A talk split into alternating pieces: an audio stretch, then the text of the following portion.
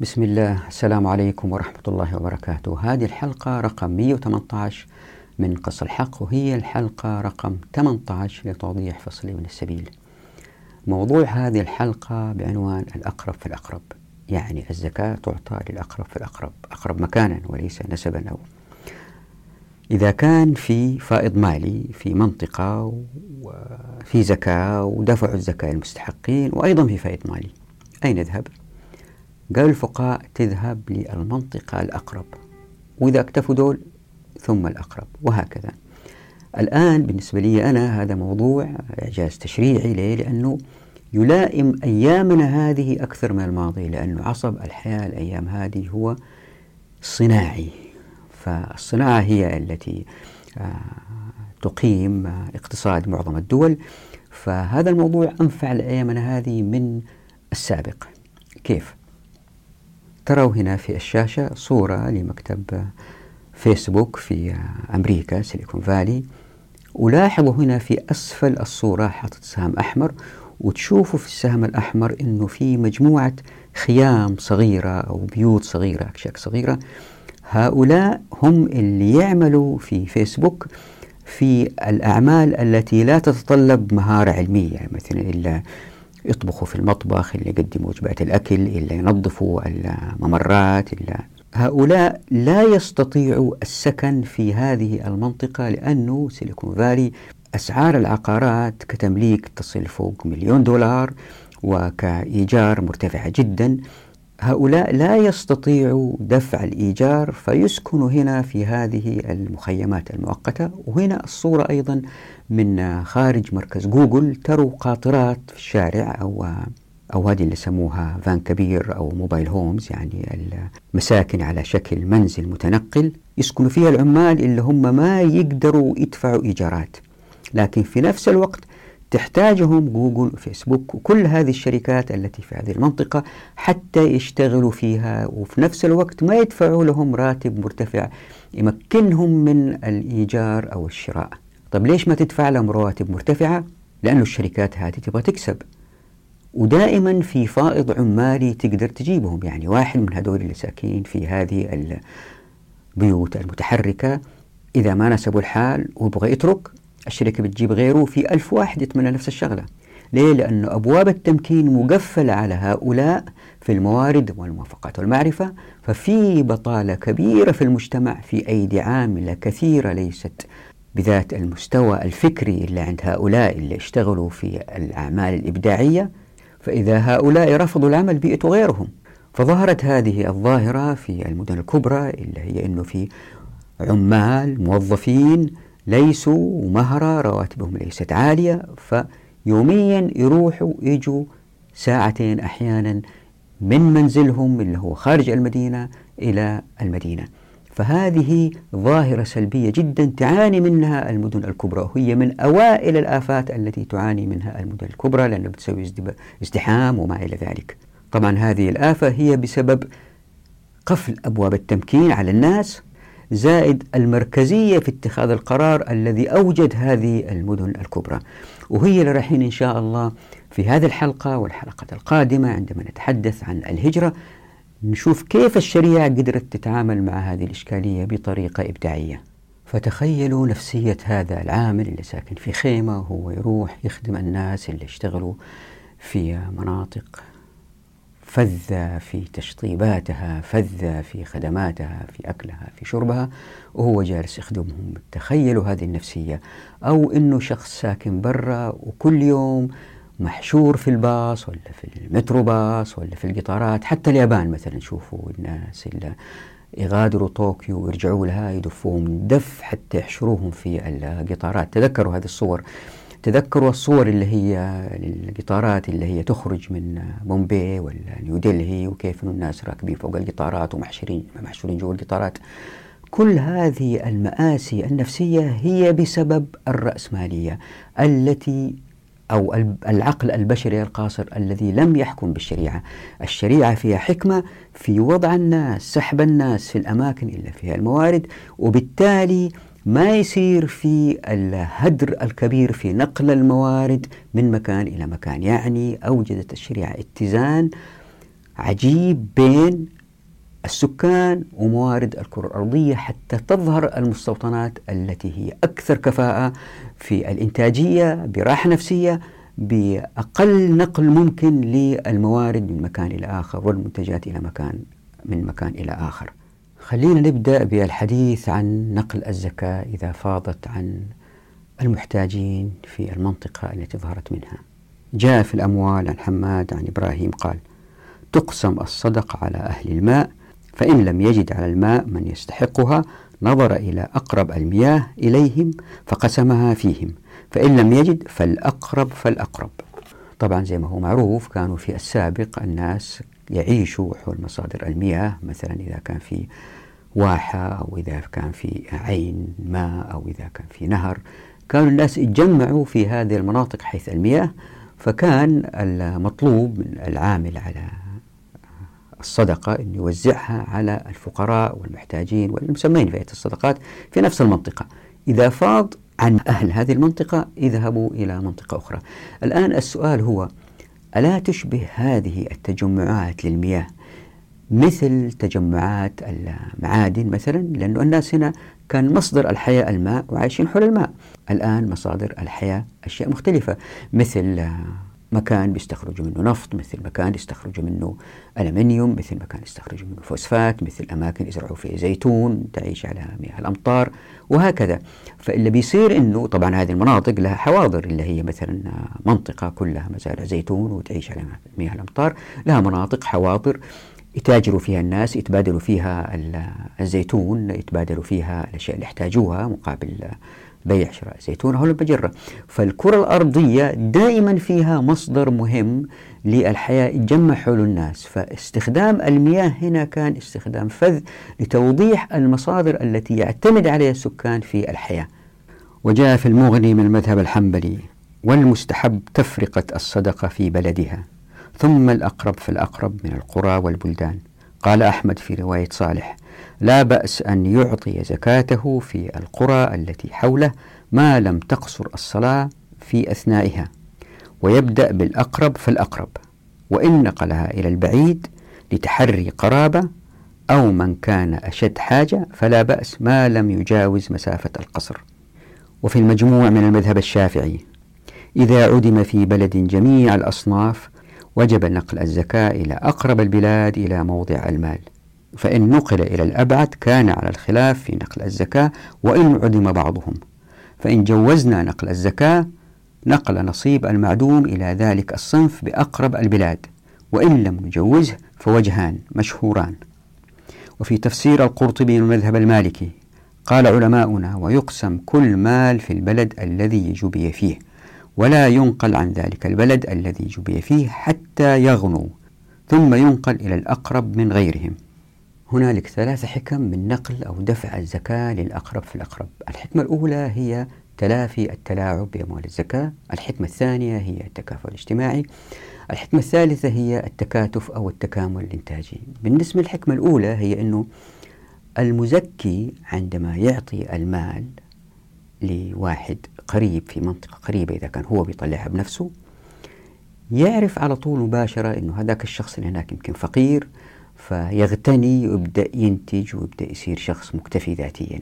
فيرى أثر الزكاة اللي دفعها فيرتاح نفسيا ولها لها أثر إيجابية كبيرة زي ما هو معروف. لكن إذا تروح لمنطقة بعيدة آه ما هو عارف إيش اللي صار. ويمكن ما يجتهد في السنة القادمة أنه يطلع الزكاة لأنه ما شاف أثرها. فالتماس الأثر يعني لمسه للأقرب هو آه وارد أكثر. زائد إذا كان اللي يقوم بتوزيع الزكاة هم العاملين عليها. الشخص الذي دفع الزكاة يعرف أنه زكاته هذه راحت لمين؟ فين لأنه قريب.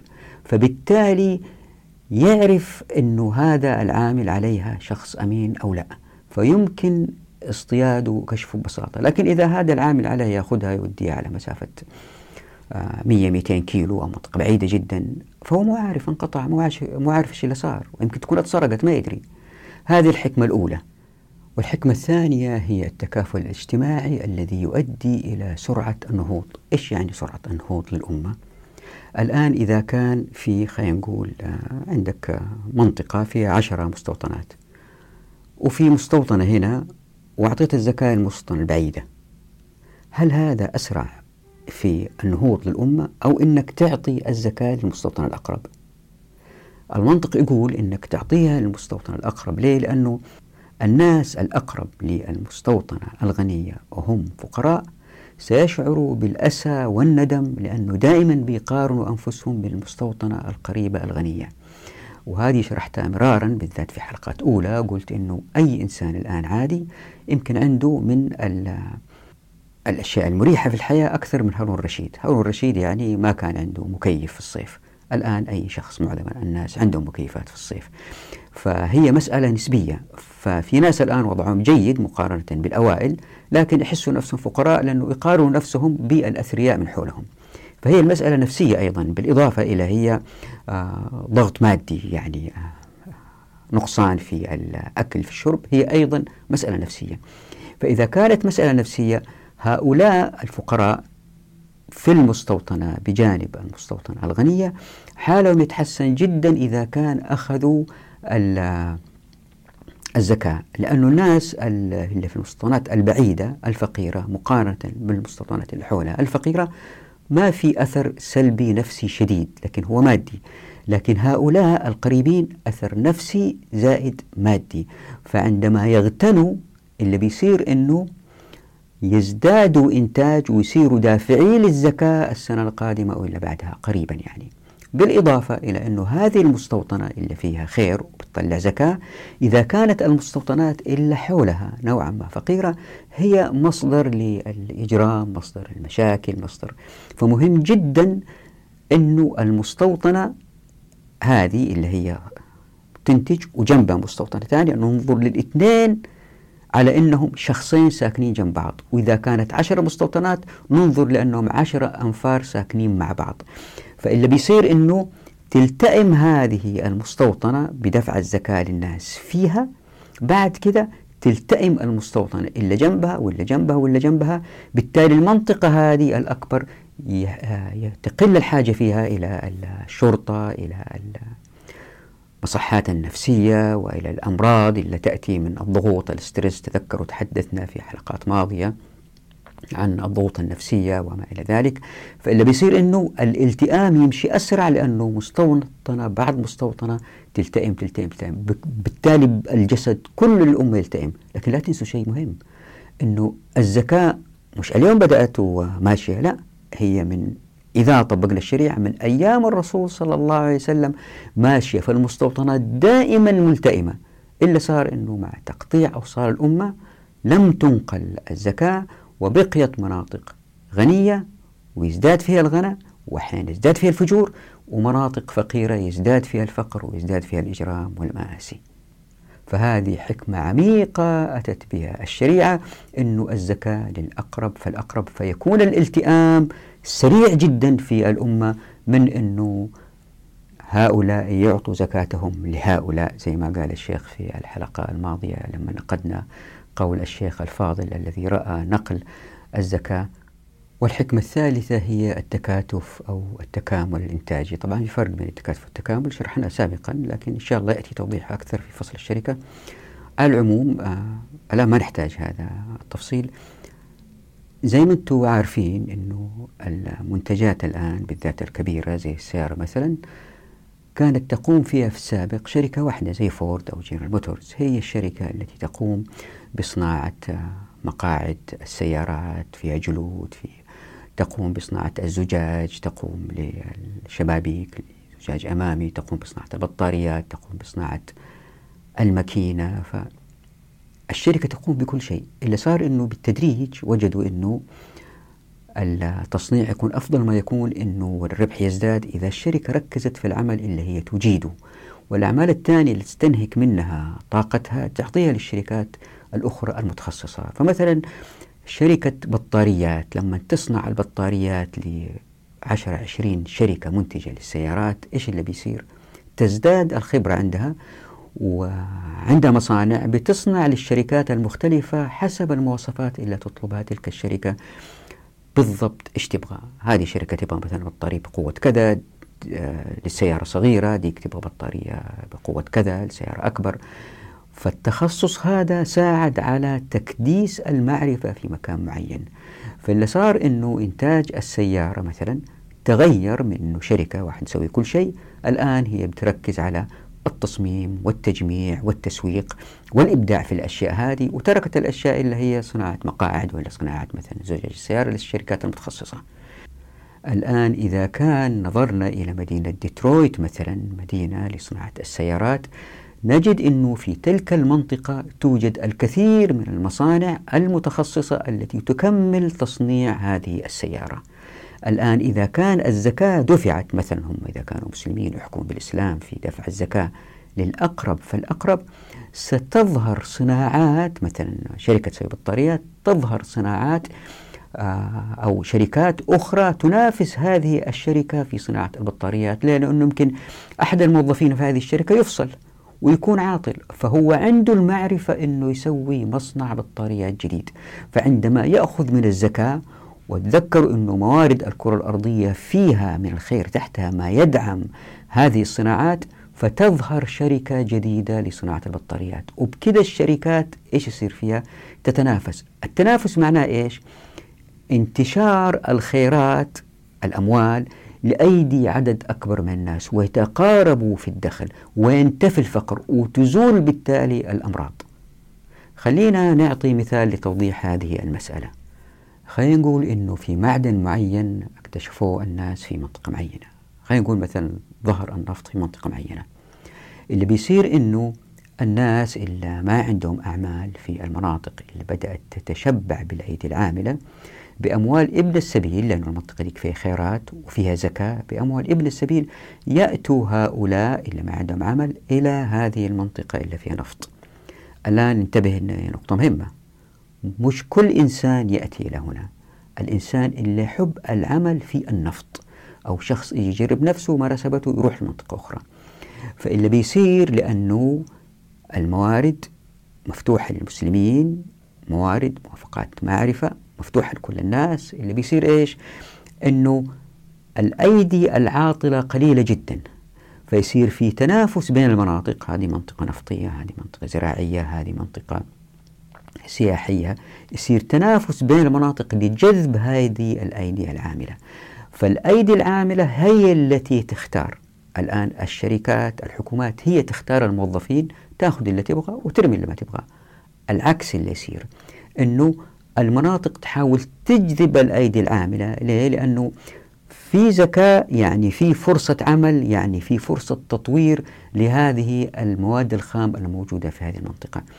وهذا مهم إلا إن جذب الآن للعمل في النفط هم الناس اللي يحبوا العمل في القطاع النفطي ومشتقاته وليسوا الناس اللي يحبوا مثلا العمل في الزراعة. عندما يجتمع هؤلاء اللي يحبوا العمل في النفط إلا بيصير أنه إبداعيتهم ترتفع جدا. ليه؟ لأنهم هم يحبوا الشغلة هذه. لذلك أتوا لهذه المنطقة. طيب يمكن واحد يقول بس مستحيل يعني هذه شغلة ما تقدر عليها. الجماعات الصغيرة هذه. فقط تقوم يعني تقوم بها الدول. السؤال هو الدول لما بتقوم بهذه الأعمال ماذا تعمل؟ تعطيها الشركات. الشركات هي التي تقوم بذلك. لأن دماغنا مغسول جدا بالنظام الرأسمالي. لا نرى إمكانية قيام الناس بذلك. طب الناس هذول هذه الشركات التي بدأت أوجدوها أفراد وبدأت تكبر تكبر تكبر كبرت على أي أساس؟ كبرت على أنه في طبقة عاطلة في بطالة يسحبوا منهم اللي يبغوه ويكونوا الخبرة عندهم. مع تطبيق الشريعة الناس المهتمين في الشغلة يجوا هم يكونوا مع بعض الخبرة اللي يبغوها. ليه؟ لأنهم هم أياديهم في العمل وبيحاولوا يكسبوا ويحاولوا يبيعوا. اللي يصير أنه التفكير الإداري الآن المبني في هذه الشركات اللي بتنتجها آه، تخصصات مثل علم الإدارة والاقتصاد أنه كيف نجلد الموظف حتى نخرج أفضل عطاء منه عشان نربح أكثر وزائد كيف أنه نوجد شركات ما تحدث فيها السرقات يعني تحفيز وبعدين المحافظة على أنه ما تضيع الثروات لهذه الشركة. هاتين المسألتين التحفيز والأمانة هي موجودة أصلا في الناس اللي بيشتغلوا في هذه الشغلة. ليه؟ لأنه الأموال اللي بيشتغلوا فيها الصناعات اللي بيشتغلوا فيها هي لهم فالأمانة موجودة فيهم أصلا. وراح نوضح هذه فصل الشركة كيف أن الشركاء يعني الشراكة تتقسم إلى وضع يصعب فيه على الشركاء أنهم آه، يضحكوا على بعض ويغشوا بعض. لا تزداد بينهم الموثوقية تزداد بينهم يعني يأتمنوا بعض أكثر وأكثر. زائد هم مبدعين لأنهم هم جايين للشغلة اللي حبوها فيكونوا أكثر عطاء بكثير ليه؟ لأنهم يحبوا الشغلة والشغلة لهم الشغلة لهم. فما يحتاجوا أحد يحفزهم هم محفزين أصلا. هذه المسائل تتضح إن شاء الله أكثر في فصل الشركة والفصل والوصل. لكن الآن بس للتوضيح بنقول أنه احتمال وارد أنه هذه الشركات تظهر من الناس وتتفتت إلى جماعات تعتمد على بعض. إذا تتذكروا في الحديث عن فصل الخيرات وتكلمنا عن أقوال الفقهاء في حق الناس في أخذ المعادن الخيرات فوق الأرض تحت الأرض اللي بيصير إنه إذا اكتشفوا منطقة فيها نفط وجماعة حفرت هنا وبدأت تستخرج النفط وتبيعه. جماعة ثانية تأتي بأموال ابن السبيل من مناطق أخرى وليس بالضرورة من هذه المنطقة لأنه يعني يمكن لسه ما صار فيها فائض إنتاجي ويحفروا بئر آخر جماعة ثالثة ثالث وهلم جرة المنطقة هذه تبدأ تصير منطقة تنتج نفط ويبدأ السكان يبيعوا النفط ويصير في زكاة من النفط. الآن لأنه الزكاة تذكروا هي أعيان. آه، زكاة البقر بقر الغنم غنم في الحالة هذه. أما يخرجوها أعيان إذا حبوا وفي تفصيل هذه فيها في فصل الأموال. يا ريتكم تقرأوا فصل الأموال في الزكوات هذه. فاللي بيصير إنه في فائض يجذب الأيدي العامل لمناطق أخرى ويصير نوع طالما أن المنطقة دي تدفع زكاة فمعناته لا تزال تحتاج أيدي عاملة حتى تتشبع هذه المنطقة بالأفراد اللي هم شغالين في استخراج النفط. طيب النفط إيش يسووا فيه الآن؟ لأنه لما يكثر إنتاجه وسعره ينزل تبدأ جماعات أخرى تفكر في تصنيع هذا النفط. طبعا هو في البداية بينتجوه بينقلوه تظهر جماعات أخرى تشتغل في نقل النفط لأنه كل جماعة لأنه أبواب التمكين مفتوحة والناس متقاربين في الدخل ما تقدر جماعة تقول أنا والله أستخرج وأنا أبيع وأنا أسوي وأنا أصنع وأنا ليه؟ لأنه طاقتها محدودة لأنه هي لما بيجي تخرج جماعات أخرى أيضا بتخرج. فالسعر ينزل لدرجة أنه يبدأوا ناس يفكروا في ربح أعلى فتبدأ مسألة التفكير في آه، صناعات أخرى كالبتروكيماويات. الآن هنا تأتي مسألة الأقرب في الأقرب. ليه؟ لأنه عندما تدفع الزكاة للمناطق القريبة قد تظهر في المناطق القريبة هذه بالتأكيد ستظهر صناعات تعتمد على النفط مثل البتروكيميكالز وأيضا بعد فترة بعد تشبع تلك المنطقة اللي فيها صناعات بتروكيمائية يمكن تكون قريبة جدا ملاصقة لهذه أو يمكن تكون بعيدة 100 200 كيلو الله أعلم حسب طبيعة الجغرافيا اللي بيصير أنه تلك المناطق التي تصنع البتروكيماويات لما يغرق السوق بهذه المنتجات وسعرها ينخفض يبدأ الناس يفكروا في تصنيع هذه المنتجات لأشياء مستهلكة يستخدمها البشر التي تعتمد على البلاستيك أو اللي يكون.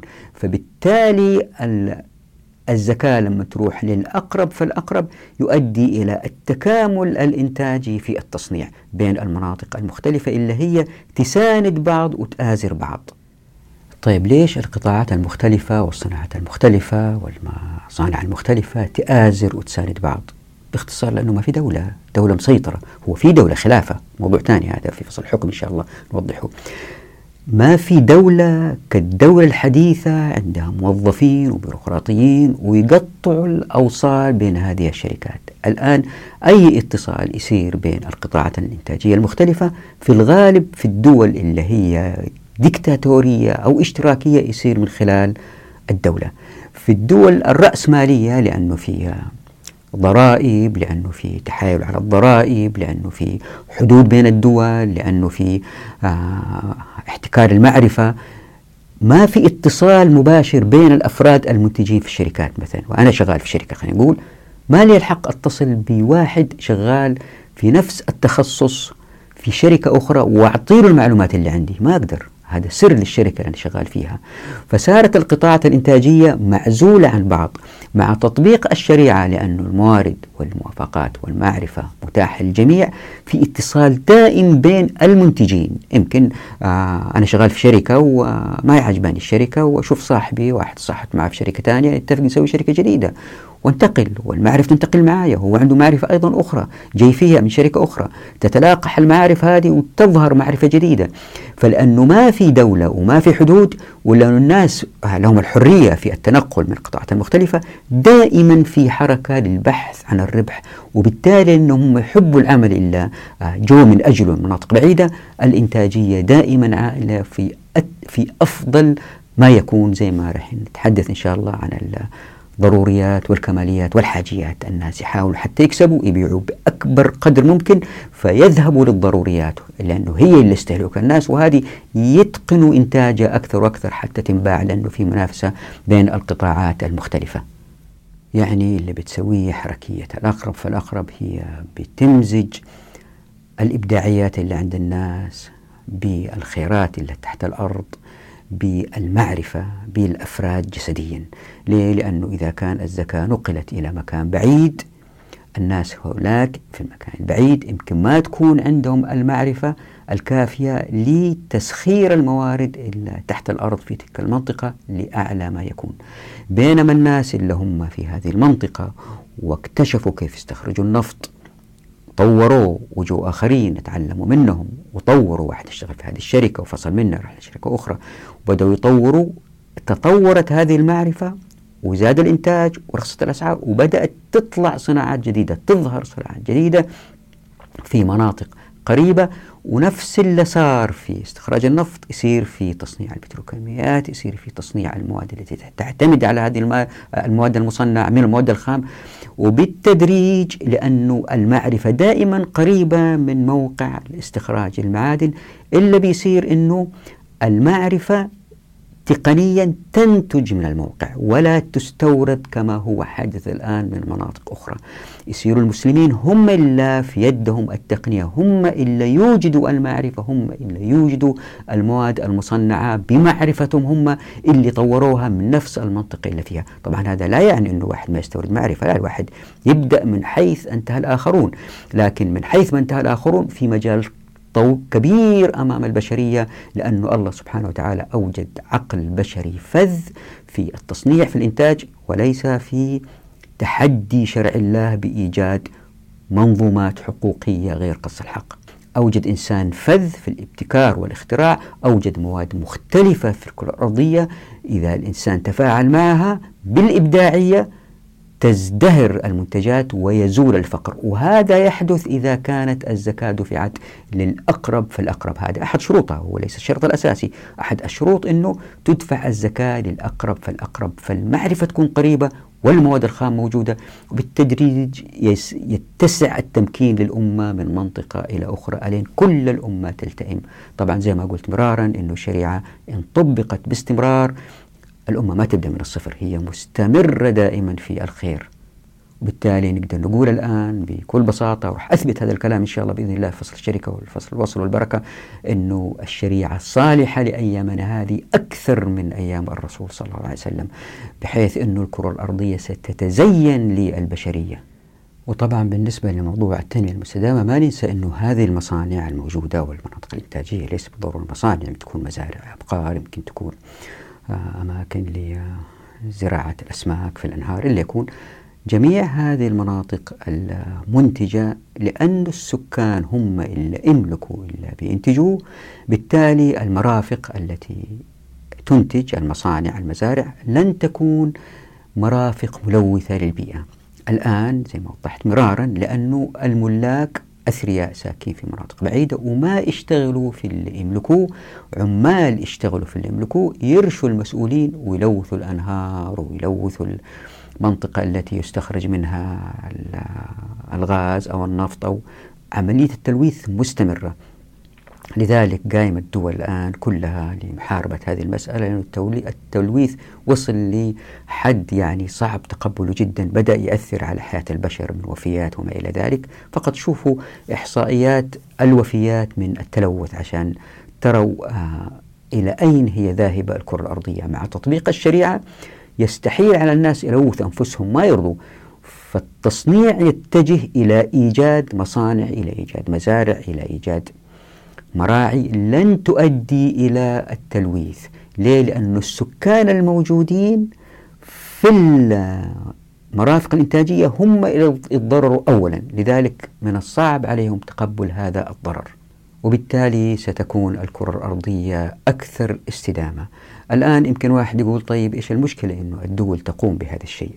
المشكلة هي أنه في أفضل الأحوال يلتجئوا إلى التخطيط أو في أسوأ الأحوال إلى الأهواء.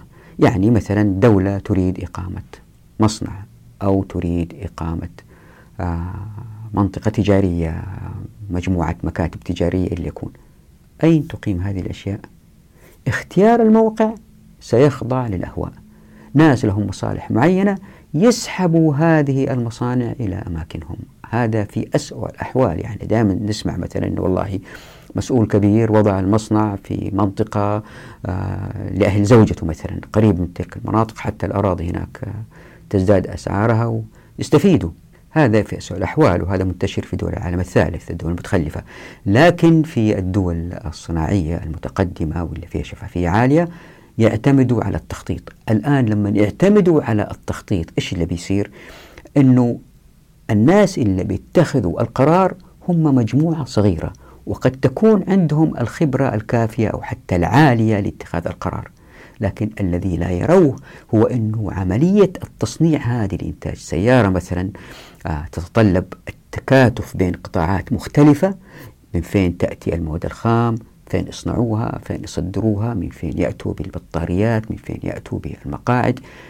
كل هذه معلومات تنتقل بين المصنعين الصغار إلا هم إذا كان الناس يملكوا هذه المصانع اللي يشتغلوا فيها تنتقل بسرعة أكبر وتكون بكفاءة أعلى أنه فيها مصداقية أعلى لأنها معرفة مرتبطة بمنتج. فاللي بيصير المنتجات تنتقل وتنتقل مع المعرفة ويصير في تكاتف تصنيعي بين الجهات المختلفة. مثلا شركة الشركات تنتج السيارات والشركات تنتج الطائرات تعتمد مثلا على صناعة الألمنيوم في منطقة معينة. آه، الشركات اللي تنتج سيارات وشركات أخرى تنتج مثلا خلينا نقول المعدات الزراعية يعتمدوا مثلا على البطاريات تنتجها شركات أخرى جاية في النص بينهم. فيصير نوع من التكامل والتكاتف اللي هو موجود الآن في العالم الغربي موجود الآن في النظام الرأسمالي. الشركات هذه تتكاتف وتعرف فين تروح لأنه عندها حرية عالية مقارنة بالدول المتخلفة.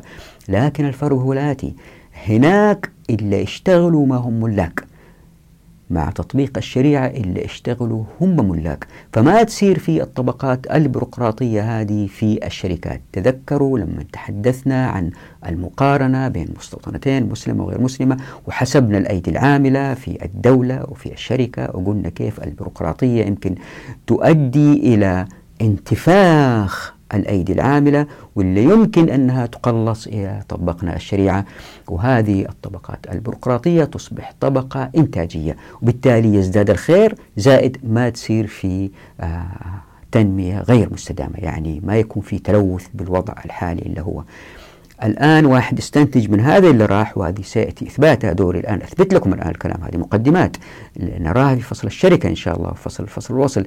اللي بيصير إنه وضعنا التعداد السكاني في المناطق السكانية اللي فيها خيرات بحيث أنه في أفضل استثمار للخيرات اللي في الكرة الأرضية بتجمعات سكانية لا تؤدي إلى الهدر في النقل ولا تؤدي إلى التلويث في نفس المنطقة. إذا لغينا أو خففنا الهدر من النقل وخففنا التلويث في المواقع خففنا التلويث في الكرة الأرضية. إذا تتذكروا في حلقات ماضية تحدثنا عن قوله تعالى موزون وتحدثنا عن قدر وتحدثنا عن توزيع الخيرات في الكرة الأرضية وإنها بحكمة وليست عبث. وتتذكروا مرة تحدثنا عن أنه الخيرات الله سبحانه وتعالى وضعها بكميات كبيرة في مناطق متباعدة. وقلنا أنه في هذا حكمة بالغة أنه السكان اللي يستخرجوا هذه الموارد يحتاجوا نوع من التفسح المكاني بحيث أنه آه، ما يتزاحموا لأنه النفط يمكن يكون في منطقة طولها 100 كيلو متر فما ما يتزاحموا على نفس المنطقة. الزيتون يتزرع في منطقة 500 كيلو في 300 كيلو مثلا. فالواحد انظر للكرة الأرضية يجد الخيرات موزعة بطريقة فيها تفسح مكاني للبشر. هذا التفسح المكاني للبشر لأنهم بي يتجمعوا في تلك المناطق وبيستخرجوا الخيرات من غير ما يتزاحموا. إلا يسهم في نقل المعرفة وأنه المعرفة لما تزدهر يصير عند الناس تفسح زماني ويتحدثنا عنها. أنه عندهم لأن المعرفة متقدمة عندهم وقت فراغ كبير يتعبدوا الله سبحانه وتعالى يزوروا بعض نفسيا يكونوا في وضع أفضل. برغم أنه إنتاجيتهم عالية لأنه المعرفة عالية. الآن هذا لا يعني أنه المدن أو الحواضر إلا فيها معدن معين تسير فقط تنتج هذا الشيء. يعني منطقة بتنتج نفط لا يعني أنها فقط تنتج نفط وتبيعه. لا زي ما وضحنا أنه تظهر عن طريق الأقرب. فالأقرب مناطق بالقرب منها تعتمد مثلا على البتروكيميكالز البتروكيماويات مناطق أخرى أو في نفس المنطقة صناعة تستفيد من هذه المواد المصنعة المواد الخام. فإلا بيصير أنه في نوع تميز لكل منطقة بما تنتجه لأنه الأقرب فالأقرب. لكن في الوقت ذاته الله سبحانه وتعالى خلق موارد أخرى مثلا واحد ببساطة يقدر يزرع شوية طماطم وخضار في في حديقته أمام بيته وإذا ما يقدر يجيب شوية سماد مع شوية ماء يقدر يزرع. ففي منا في في في مواد تحتاج هذه المستوطنات مثل صناعات المشروبات الغازية مثل لا تتطلب آه، المواد الخام الموجودة في هذه المنطقة ولأن المادة الخام الموجودة في هذه المنطقة سعرها مرتفع وجيد وتجذب الناس اللي احتاجوا يسكنوا في هذه المنطقة لمساعدة هؤلاء اللي انتجوا هذه المادة الخام أو المادة المصنعة المادة الخام مثلا واحد يسوي مزرعة أبقار عشان ينتج حليب عشان يبيعوا للسكان هؤلاء اللي يسكنوا هنا. فإلا بيصير إنه المستوطنات برغم إنه فيها صناعات ثانية مثلا منطقة فيها مطاط واللي يشتغلوا فيها أكثرهم في صناعة المطاط والكفرات ما ذلك هؤلاء الناس احتاجوا عشان يعيشوا صناعات أخرى. فتظهر الصناعات الأخرى التي تدعم هذه الصناعة. يعني المستوطنات ما تصير متخصصة في شيء واحد لا لكن متميزة في شيء واحد أو شيئين أو ثلاثة متميزة بصناعة معينة لكن في صناعات أخرى تدعمها. هذا يؤدي لأنه الإسلام فتح التمكين في الموارد والموافقات والمعرفة وما في أيدي عاطلة. هذا يؤدي إلى وضع لأنه سيتقاربوا في الدخل. هؤلاء الناس اللي اشتغلوا في الصناعات المساعدة اللي تساعد هؤلاء أنه يعيشوا يكون وضعهم المالي أفضل. ليه؟ لأنه آه الحليب يكون سعره مرتفع.